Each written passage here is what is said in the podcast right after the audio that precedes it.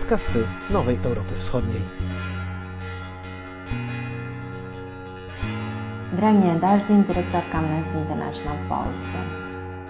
Mówimy o wojnie informacyjnej, o dezinformacji. O ile w wojnie i w konfliktach konwencjonalnych wiemy, jakie są prawa, są konwencje, jest konwencja genewska, wiemy co wolno, co nie wolno, wiemy w którym momencie następuje złamanie reguł, za co można próbować przynajmniej pociągnąć do odpowiedzialności. Jak wyglądają prawa człowieka w przypadku konfliktu informacyjnego? Przede wszystkim wydaje mi się, że jeśli chodzi o konflikt zbrojny, to to, co wszyscy wiemy, to jest to, że w takim konflikcie pierwsza y, ginie prawda. I tego jako organizacja y, praw człowieka jesteśmy bardzo świadomi i próbujemy właściwie temu przeciwdziałać, żeby pokazać, jak bardzo tworzenie fałszywych informacji, szczególnie w takim kontekście konfliktu zbrojnego, przyczynia się do eskalacji tych konfliktów, przyczynia się do usprawiedliwienia poczynian własnej strony i kolejnych zbrodni, które są popełniane dzięki właśnie temu, że tworzą się niewłaściwie, nieprawdziwe informacje o bestialskich zbrodniach na przykład drugiej strony. I to jest reguła stara jak świat. Natomiast to, co nam w tym momencie bardzo przyświeca, no to jest też taka świadomość, że nawet w warunkach pokoju mamy do czynienia z bardzo niebezpiecznym zjawiskiem, a to jest e, tworzeniem bardzo, bardzo, na bardzo dużą skalę, tworzeniem tak zwanych fake newsów, czyli informacji, dezinformacji de facto, które są często skierowane wobec osób należących do, do, do grup szczególnie narażonych na łamanie prawa e, albo są szczególnie narażone właśnie na wykluczenie społeczne. I to są sytuacje, które są o tyle trudne, że współczesna technologia im sprzyja. Amnesty International w jesienią 2019 roku opublikowała raport dotyczący właśnie działalności największych platform, z których cały świat korzysta, oprócz oczywiście mieszkańców Chin, czyli tych, tych wielkich e, gigantów technologicznych, jakimi są Google i Facebook, gdzie pokazaliśmy, że stopień informacji, które te platformy e, zbierają o,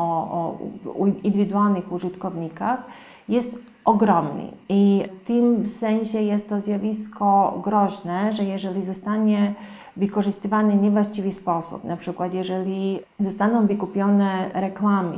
skierowane do specyficznie wyprofilowanej grupy, to dana grupa y, będzie podawana o konkretnej treści, która jeżeli jest nieprawdziwa, jeżeli jest właśnie ukierunkowana na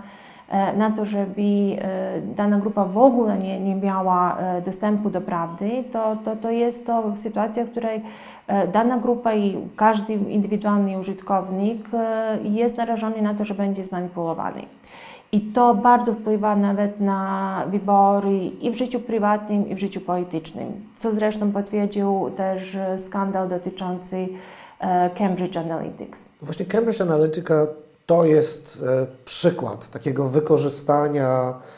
gromadzonych ogromnych informacji po to, żeby docierać do odpowiednich grup właśnie z e, przeznaczonym, z ukierunkowanym przekazem. I rozwój technologiczny, wzrost mocy obliczeniowej, wzrost przepustowości internetu, sieć 5G tylko ułatwi takie działania. W związku z tym co można zrobić, żeby temu zapobiegać, żeby chronić naszą prywatność, żeby bronić praw człowieka w tej rzeczywistości. Może zresztą te prawa człowieka jeszcze nie są zdefiniowane w ten sposób. Prawa człowieka właśnie w tym świecie technologicznym są coraz bardziej zdefiniowane, właśnie dlatego, że są zagrożone przez to, że oddając dużą część prywatności i umożliwiając, nawet w sposób bardzo często nieświadomy, różnym platformom właśnie ogromne informacje o sobie, to jesteśmy bardzo łatwo właśnie umiejscowieni w konkretną grupę odbiorców, do której kierowane są różne treści, czy to właśnie za pomocą e, reklamy politycznej, czy to za pomocą innych form reklamy.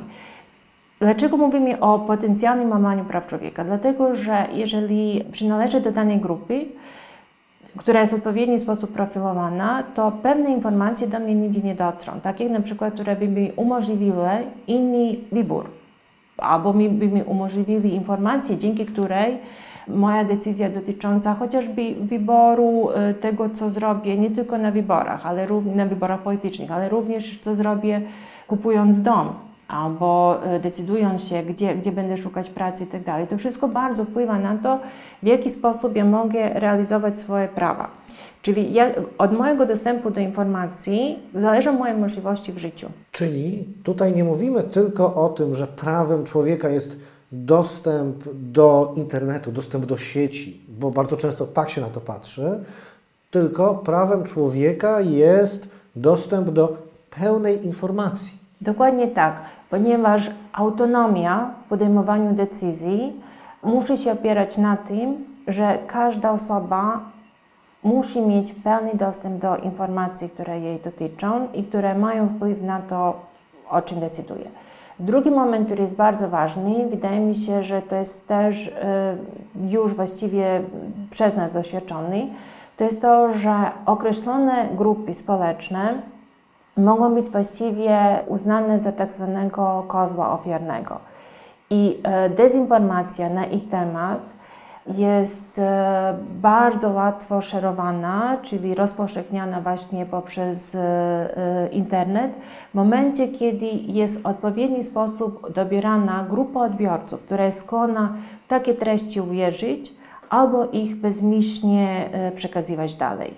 Więc to też jest taki moment, w którym widzimy, że te platformy, które umożliwiają z jednej strony, wydawałoby się,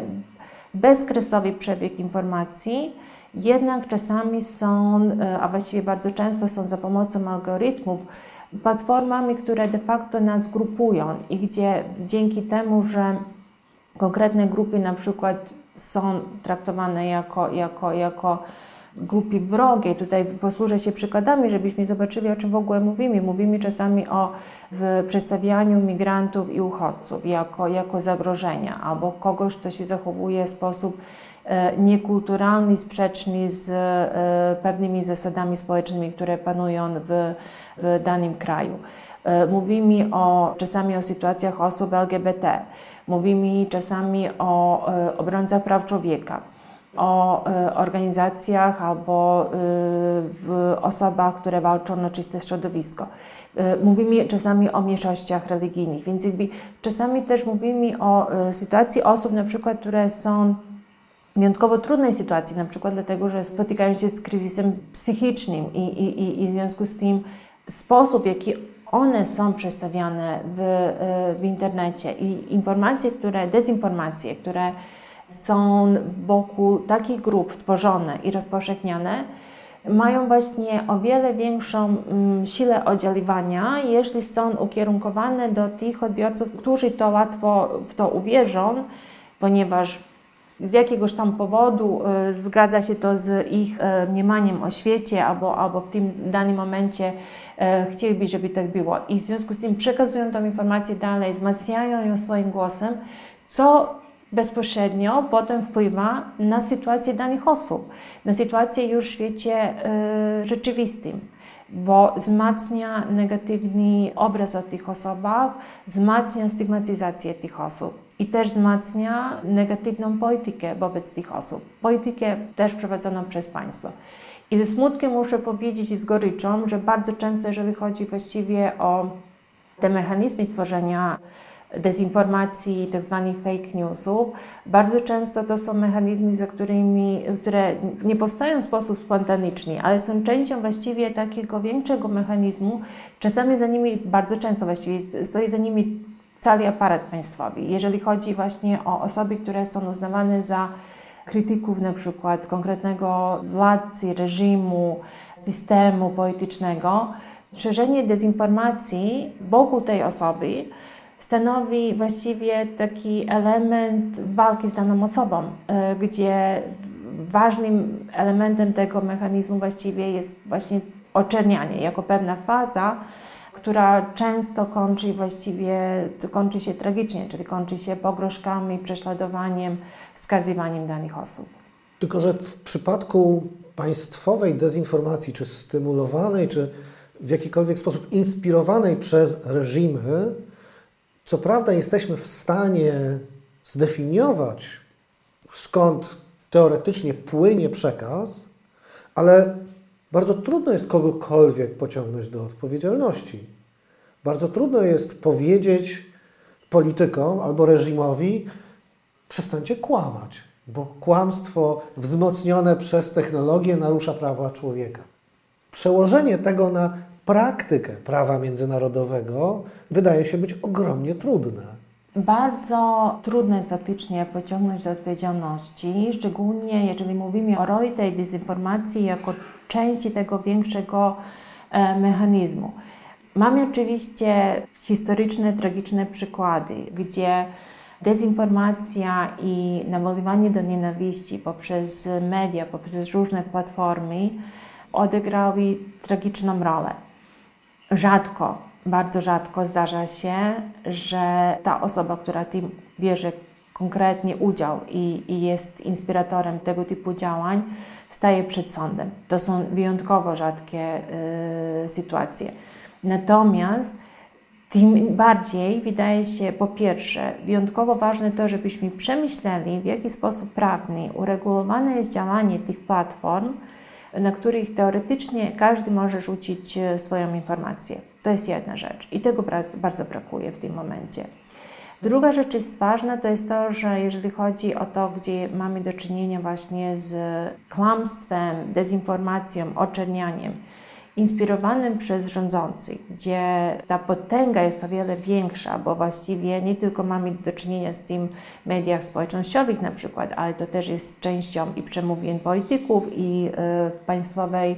propagandy, która jest bardzo często wzmocniona poprzez e, proreżimowe media i bardzo często brakuje innych głosów. To wyjątkowo, wyjątkowo ważne jest tak naprawdę też uczenie społeczeństwa, jak odbierać informacje Niestety tym bardziej jest to trudne, jeżeli system edukacji też się znajduje oczywiście pod odpowiednim reżimem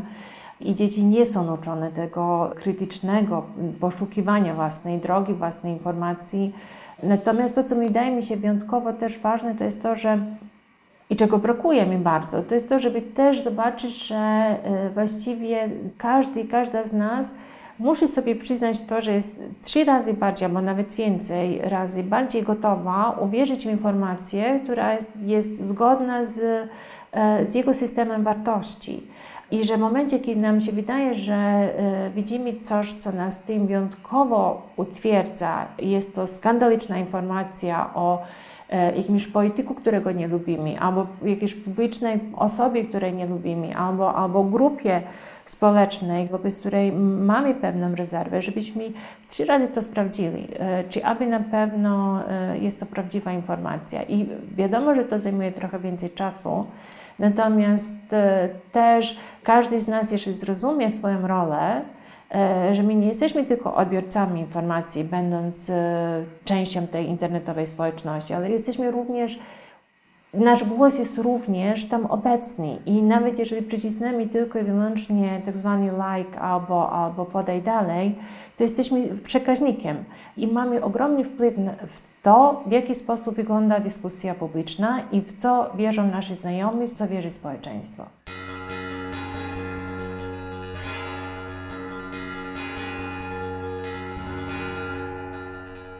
To oczywiście wymaga krytycznego myślenia i odpowiedzialnego użycia informacji, odpowiedzialnego użycia, korzystania z mediów społecznościowych, ale zanim do tego dojdziemy, jeszcze jest kwestia, no właśnie, filtrowania doboru informacji, bo zaczęliśmy od tego, że informacje są dzielone i profilowane, ale jeżeli uzyskamy nieograniczony dostęp do informacji, w żaden sposób nieprzetworzonych, to staniemy w obliczu kompletnego chaosu i hałasu informacyjnego, który no, będzie nie do zniesienia. W związku z tym może rzeczywiście nie dostaniemy informacji sprofilowanej, ale pewnie w ogóle nic nie dostaniemy. Dostaniemy, tak, dostaniemy mnogość przekazu i tutaj będzie bardzo ważne, komu wierzymy, do kogo mamy zaufanie, Pomimo tego, że jest mowa o ogólnym upadku autorytetów, to jednak ludzie się kierują konkretnymi osobami, co one powiedzą, co one zrobią. Z tego powodu, jeżeli wracamy do tego wątku dotyczącego wypowiedzi polityków, osób, które sprawują funkcje publiczne w państwie, to ich odpowiedzialność jest ogromna. Ich słowo ma ogromną wagę i ich odpowiedzialność jest o wiele większa niż odpowiedzialność e, kogoś innego, kto może e, w sposób nieodpowiedzialny przekazać daną informację. Oczywiście też mamy bardzo często do czynienia z osobami, które są znane i lubiane, bo są znanymi artystami albo twórcami, albo stylistami, i to też są osoby, które mogą, jeżeli zabierają głos w danej sprawie, mogą odegrać ogromne, ogromną rolę, jeżeli chodzi właśnie o świadomość społeczną. Natomiast jeżeli chodzi właśnie o ten sposób filtrowania informacji, to, to, to jest też y, ważna rzecz, bo my faktycznie też świadomie ograniczamy sobie dobór informacji, w tym sensie, że przede wszystkim opieramy się na rekomendacjach i informacjach, które usłyszymy od swoich znajomych. Dlatego jest też bardzo ważne, żebyśmy też siebie traktowali jako potencjalny filtr, bo to, co my przekażemy dalej do, do naszych znajomych, będzie miało ogromny wpływ na to, co oni uwierzą, a co nie. I tutaj mi się wydaje też taka rzecz wyjątkowo ważna, bo nie chciałabym też, żebyśmy poszli już zupełnie inną drogę, czyli jeżeli mówimy o tej dezinformacji, ona może też być używana przez władzę, hasło walka z dezinformacją może bardzo często być używana przez władzę jako narzędzie do cenzury, co też jest wyjątkowo groźnym zjawiskiem, bo de facto no, kto, kto może nam zapewnić, że władza jest na tyle odpowiedzialna, że będzie e, odsiewać e, faktycznie te informacje, które są fałszywe, natomiast nam umożliwić dostęp do tych informacji, które są prawdziwe, nawet jeśli są one krytyczne wobec władzy. Tutaj jakby zaufanie do władzy zawsze jest bardzo y, ograniczone. I tutaj jesteśmy w sytuacji, w której możemy powiedzieć, ok, państwa demokratyczne, państwa praworządne pewnie będą miały większą szansę sprostać tym kryteriom, natomiast no, nie można się spodziewać, żeby państwa autorytarne czy reżimy które i tak łamią prawa człowieka, one nie zaczną nagle mówić prawdy, a e, zwrócenie się z apelem do polityków, panie i panowie, przestańcie kłamać, jest daleko posuniętą naiwnością. Jest, ale naiwność e, moim zdaniem się opłaca. W tym sensie, że e, powtarzanie politykom, jeżeli mówią nieprawdę, że to jest nieprawdą, pokazywanie tego, pewnego rodzaju ostracyzm i, i pokazywanie, że kłamanie, okłamywanie społeczeństwa jest de facto brakiem szacunku dla społeczeństwa, dla własnych wyborców. To jest już takim, jeżeli nie zrezygnujemy z tego, to polityk może się zastanowić, czy aby na pewno jest to strategia, która mu się opłaca. Natomiast nie tylko chodzi o tego polityka, chodzi też o społeczeństwo, żeby po prostu pokazując, że polityk kłamie, e, my zaczynamy budować właśnie tą świadomość, że trzeba dwa razy się zastanowić, czy e, pomimo tego, że danego polityka ktoś może lubić, czy aby na pewno chce e, przekazywać dalej jego tweet albo jego post, jeżeli się potem okaże, że się samemu ośmieszam, bo przekazuje dalej nieprawdę. Jest to oczywiście daleko posunięta naiwność, bo w momencie, kiedy jesteśmy w, jakby w takim atmosferze podzielonego społeczeństwa, to, to, to poczucie bezpieczeństwa, że przynależymy do jednej strony, e, jest silniejsze niż wola, żebyśmy mm, w indywidualny sposób właśnie pokazywali, jakie są prawdziwe informacje i tak dalej. Natomiast druga rzecz, która, dlaczego uważam, że ta naiwność się jednak opłaca, dlatego że prędzej czy później czasami po, po kilku latach pewne rzeczy wychodzą na jaw. Pod tym kątem myślę, że o ile zwykły śmiertelnik, człowiek, który nie angażuje się w politykę jako polityk, tylko właśnie jako wyborca,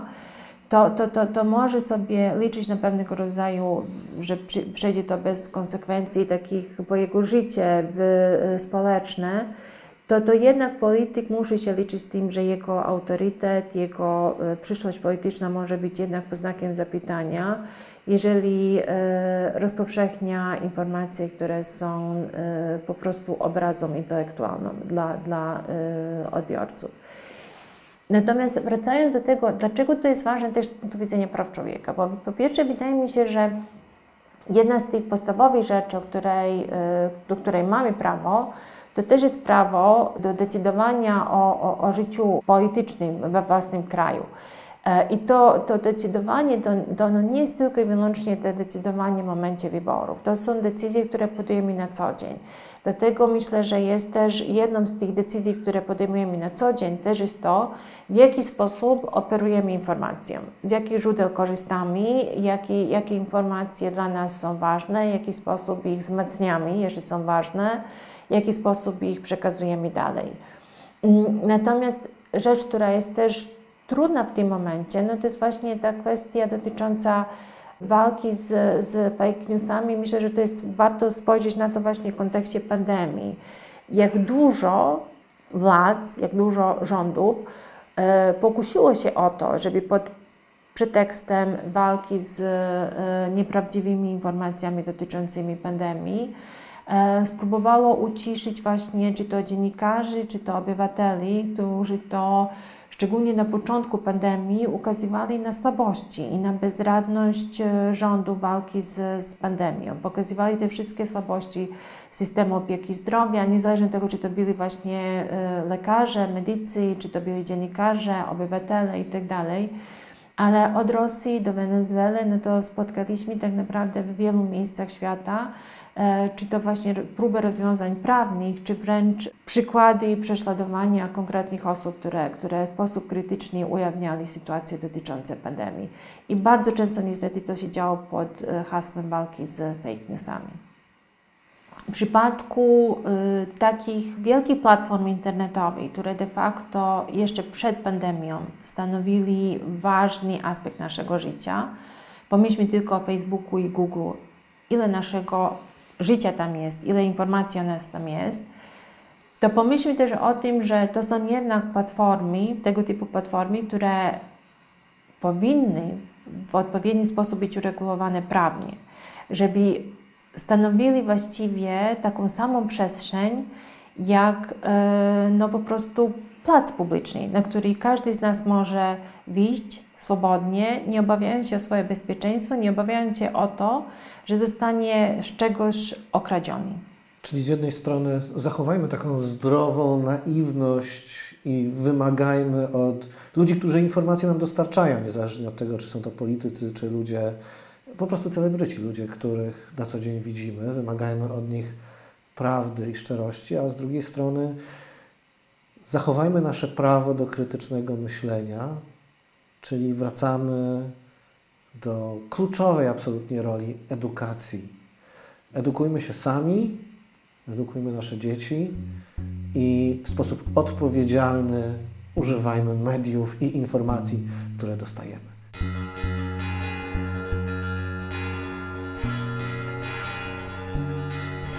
Podcast zrealizowany przez Free Range Productions.